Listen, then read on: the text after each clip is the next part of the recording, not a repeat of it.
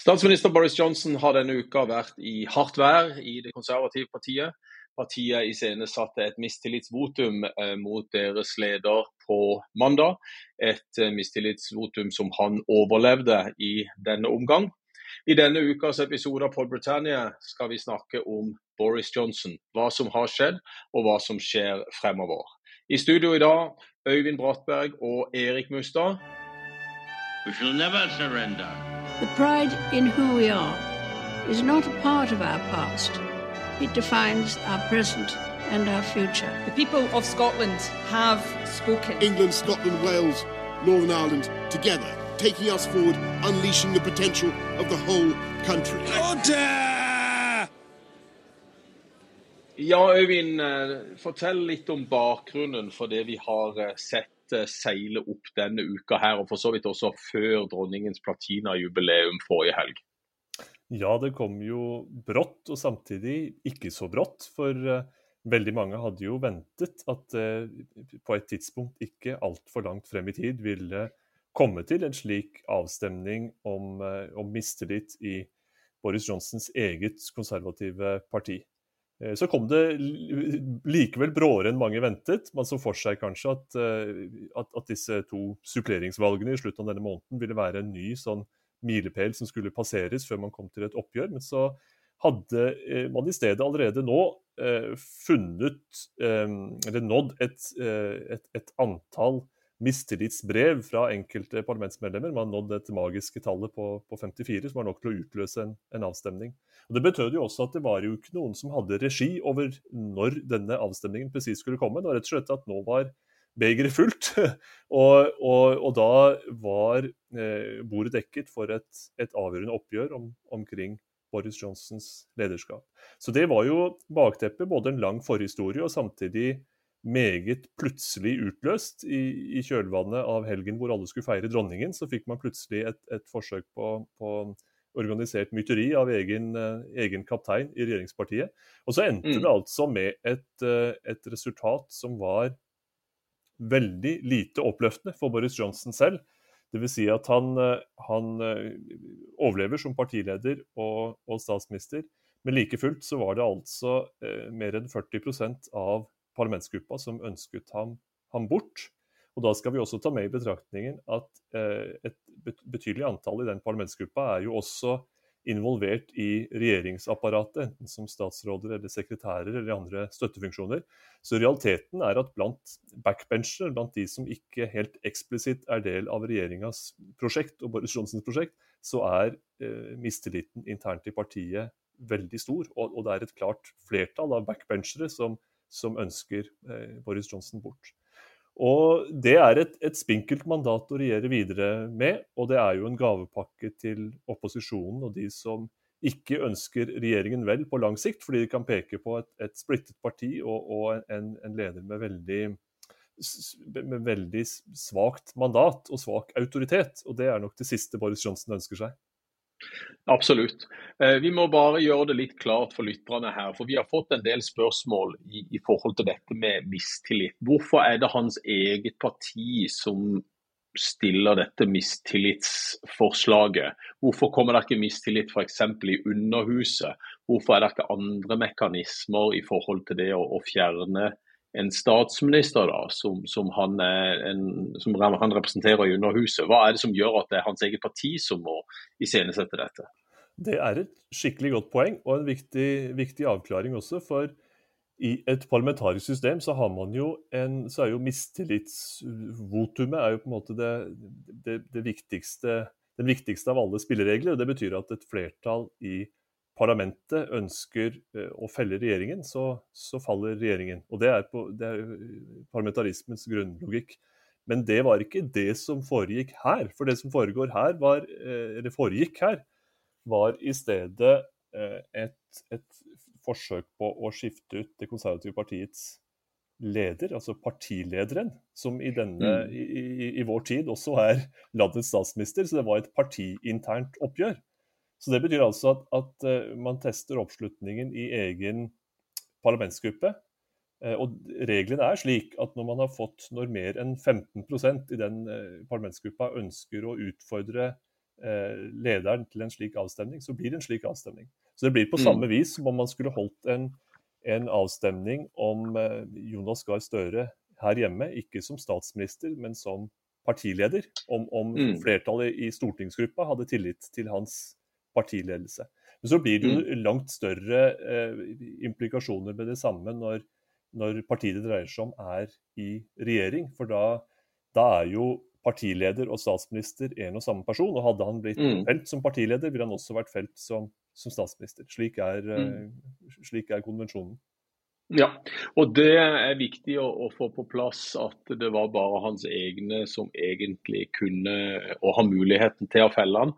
Fordi at uh, Hvis de går tilbake til Eh, parlamentsvalget i 2019, altså det siste parlamentsvalget hvor, hvor han vant et eh, brak valg eh, og fikk største, det største flertallet siden partifrende Margaret Thatcher gjorde i, i 1979. Hva er det som har skjedd da, i løpet av disse to årene som gjør at partiet står overfor Eh, dette valget eh, akkurat nå. Eh, vi har hørt i media at det er karakteren Boris Johnson som settes på prøve. Det er tillit til han som person. Det er nødvendigvis ikke motsetninger politisk eller ideologisk i det konservative partiet. Noe politisk uenigheter er det selvfølgelig alltid i et så stort parti. Men hva er liksom to år inn i hans regjeringstid, så, så så står vi, står vi, her. To og et halvt år, må vi da si. For det har jo gått et halvt år siden dette begynte å møre, kanskje. Hvordan har han gått fra den ene ytterkanten som denne eh, valgvinneren til å stå med begge beina så langt ned i gjørma? Ja, den som, eh, den som, visste det.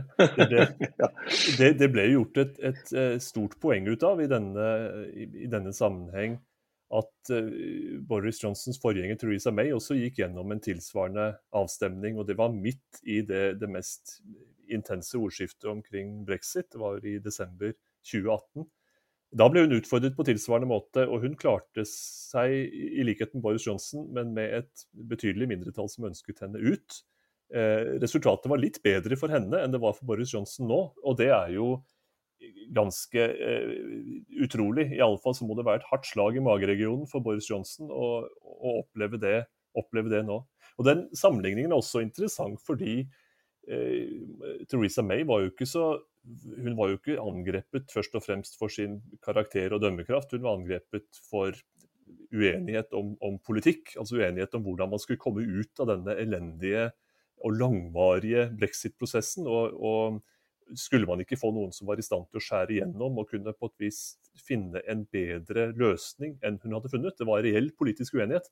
Så mye mm. reell politisk uenighet er det ikke om Boris Johnson. Skjønt det råder stor forvirring om hva Det konservative partiet skal være, så er det likevel grunnlag for mistilliten mot ham er først og fremst eh, at hans dømmekraft er trukket sterkt i tvil, og da aller mest pga. Partygate.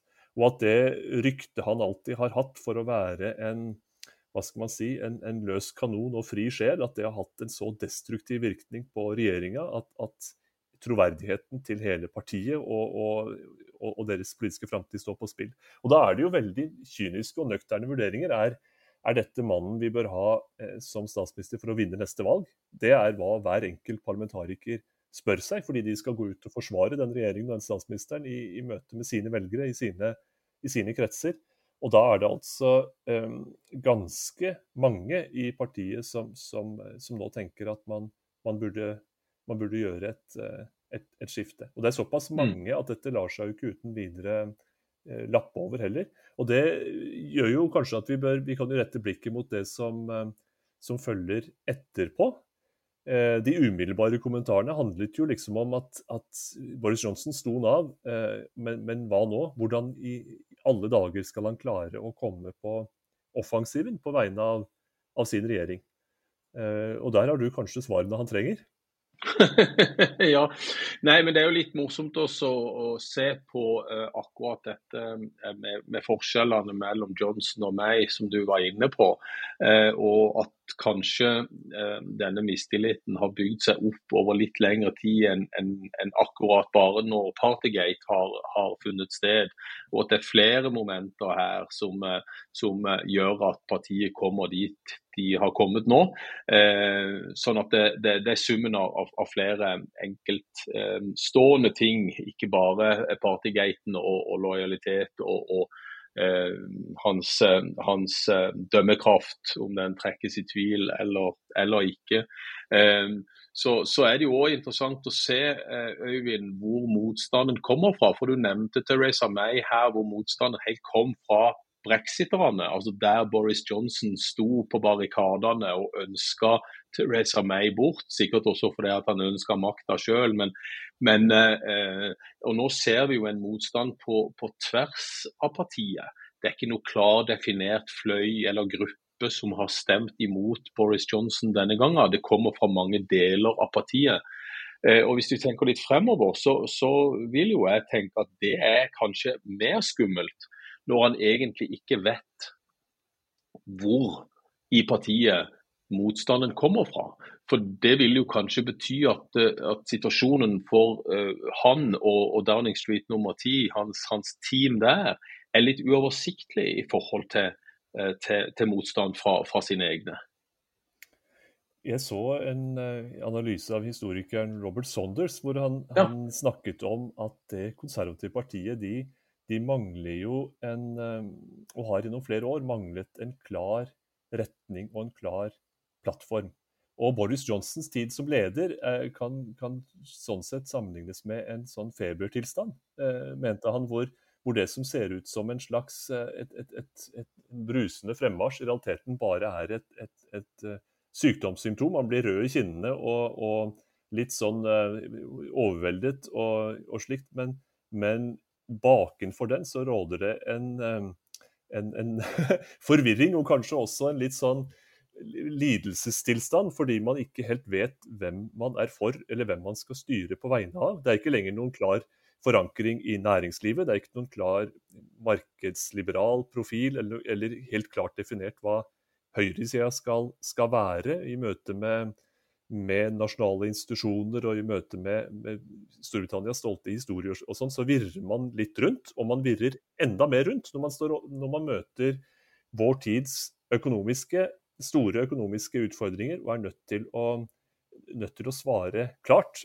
Boris Johnson svarte klart på brexit-utfordringen og, og crunchet den gjennom.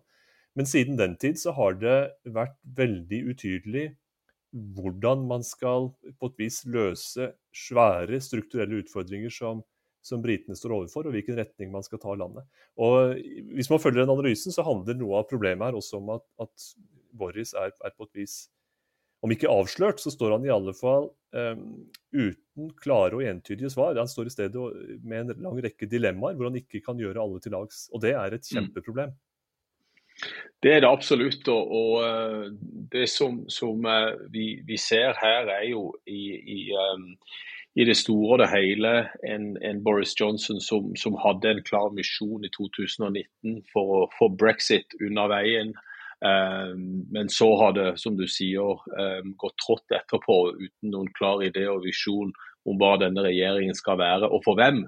Ehm, så eh, hva vil vi si om eh, denne mistilliten og denne avstemningen som var på mandag, med eh, ikke bare dette store antallet som stemte mot han, men hvordan vil denne motstanden, som kanskje også kommer til å øke i styrke i ukene og månedene som kommer. Hvordan vil den hefte ved han i, i, inn, inn, i sommersesongen og, og kanskje inn i, i høstsesjonen av, av, parlamentet? Vi så det vel allerede i, i denne ukas uh, spørretime, hvor, hvor, det var en litt sånn påtatt humørfylt, men ganske kuet Boris Johnsen som, uh, som fremsto der.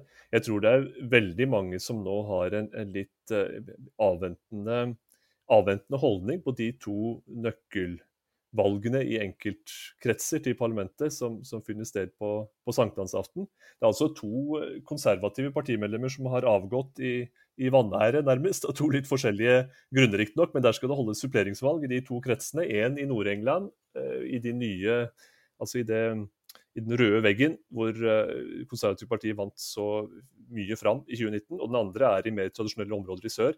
Ryker de på, på begge to, så tror jeg det er mange som vil ønske å stramme skruen på nytt. I alle fall så blir det Så skal det nå ikke mye til før man igjen har et, man har et, et ganske betydelig hylekor som ønsker at Boris Johnson kaster kortene først som sist.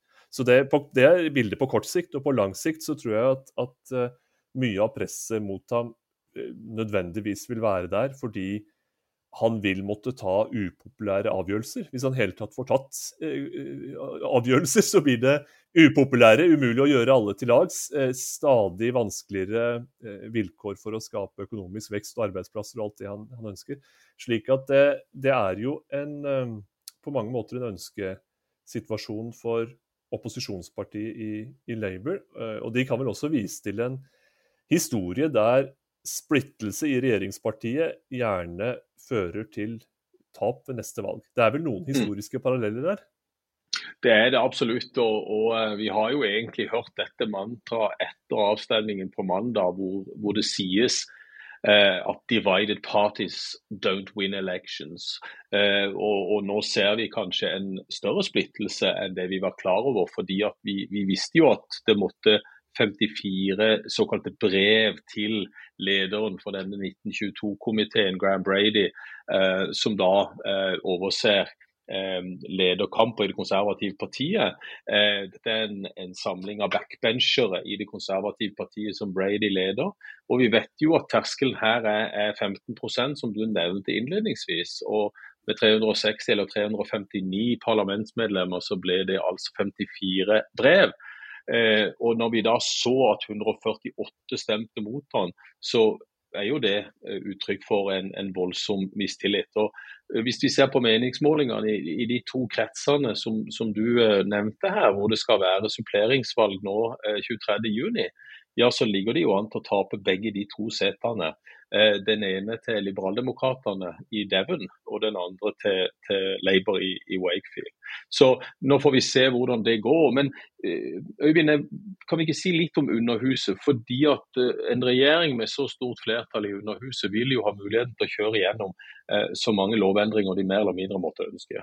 Uten noe særlig frykt for at de skal bli stoppa av opposisjonen. Eh, nå er den situasjonen litt annerledes. Hvordan vil bildet utover høsten se ut i Underhuset, når, når vi tenker på, på eh, endringer som, som, måtte komme da? Eh, spesielt i, i Nord-England, hvor, hvor, han har lovt en, en masse sysselsetting og, og hjelpepakker til, til, den tradisjonelle delen av Storbritannia som stemmer Labour. Hvordan vil han bli hindra her i Underhuset i månedene som kommer?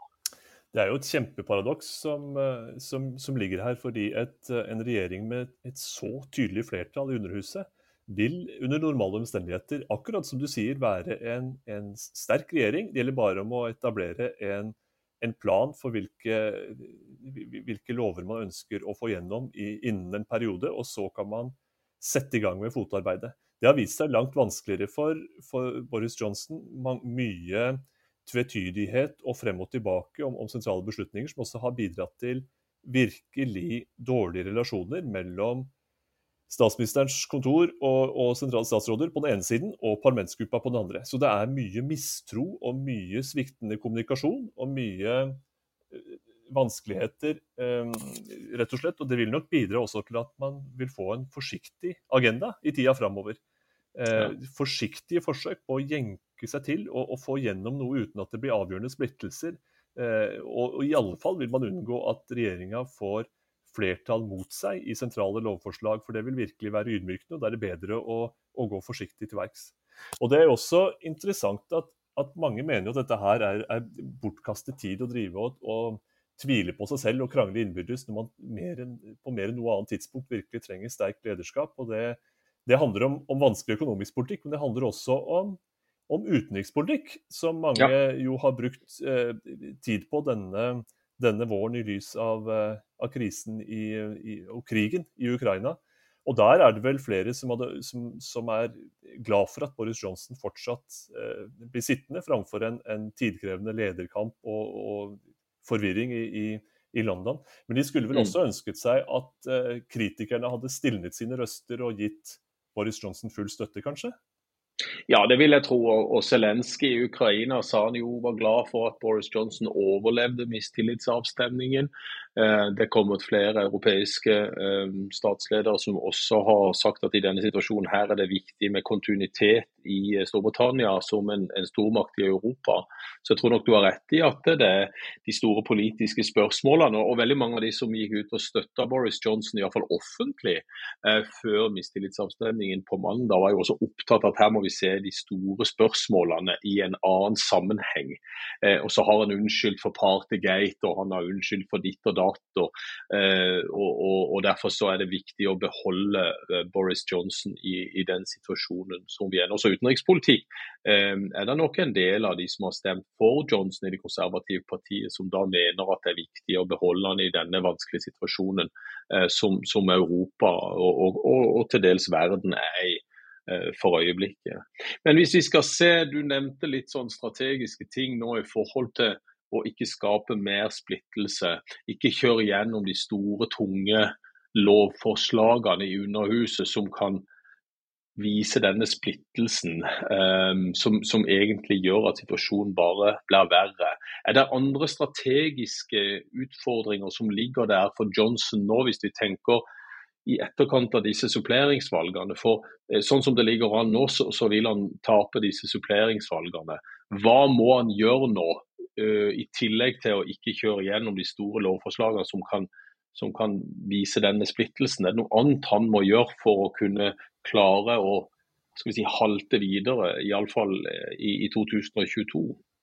Det finnes jo de som mener at han bør, bør eh, vende tilbake til kjernen i i, i brexit-tematikken og synliggjøre, eller hva skal man si, dyrke klart lederskap og kanskje synliggjøre noe av verdien i, i brexit også.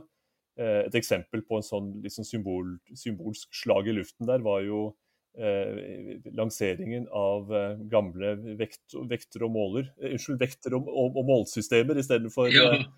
for det metriske, som blir helt pussig å bruke pund og unser og det hele. Den slags kommer man neppe, neppe langt med. Men det å, å forsøke å lansere en, noe sånn kjernepolitikk for en konservativ, eh, og klare å, å kutte skattene, klare å vise at man, man eh, tjener næringslivets interesser og slikt. Noen mener at man bør få en sånn tydeligere blå eh, kjapp, dynamisk agenda. Problemet Mm. da er jo at han er valgt på å tilfredsstille helt andre velgergrupper også, Det er det. det, er som Mm. ønsker den, nettopp det du var inne på av, av hjelpepakker, subsidier eh, osv. Eh, til lavere samfunnslag, som nå sliter eh, enormt med, med levekostnader og energikostnader og inflasjon. Eh, Så, så det å tilfredsstille ulike grupper gjør at han blir litt låst. For han får heller ikke lov til å, senke, nei, unnskyld, til å øke skattene for å, for å få dette til å, til å gå rundt. Så han er malt opp i et, et hjørne. eh, Og økonomiske vanskeligheter kommer de til å stå i en stund, så, så det finnes ikke enkle svar. Kanskje et svar ville være å, å løse Nord-Irland-klemma og vise handlekraft på den måten. Men det er vel heller ikke et spørsmål som er eh, avklart over natta. Nei, det er ikke det. Og Der er det jo denne eh, Nord-Irland-protokollen som eh, er det store stridsspørsmålet. Eh, nasjonalistene i Nord-Irland, altså Sinn Fein, da, som, som er det største partiet, ble det etter valget 5. mai, og sier jo at Nord-Irland-protokollen fungerer etter hensikten. De var i Brussel for noen uker siden og, og gjentok det eh, for EUs for, forhandlingsdelegasjon eh, der borte. Eh, Mens det er unionistene som da gjerne vil fjerne denne protokollen. Og, og unionistene eh, gjennom Det demokratiske unionistpartiet, som er det nest største partiet nå i Nord-Irland, vil jo ikke sitte i provinsregjering heller med, med Sinn Fein.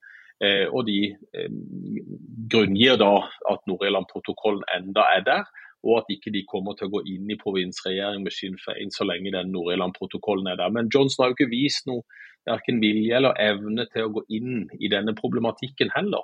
Er det et generelt problem at han, at han går på en måte ikke inn i ting? Han, han ønsker jo å bruke et språk og en retorikk som, som eh, gjør at han, han, fører ofte kritikken over på et annet spor. Han sa jo rett etter mistillitsavstemningen at ja, dette var et fantastisk resultat.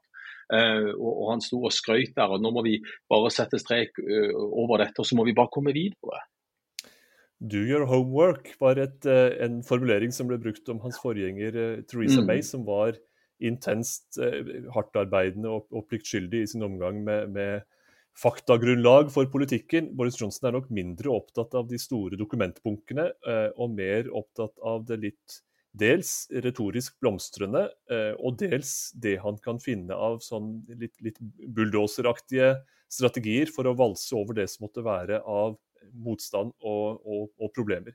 Og da er jo altså både det, det, det retoriske og bulldoserstrategien møter jo troverdighetsproblemer, og det har de åpenbart gjort i, i Nord-Irland. Eh, og sannsynligvis vil han trenge en, en, alternativ, noe som handler om grundig saksbehandling og diplomati, for å klare å komme, komme til mål. Og det, Den løsningen synes fortsatt å være et stykke unna. Tror vi at han sitter ut året, Øyvind?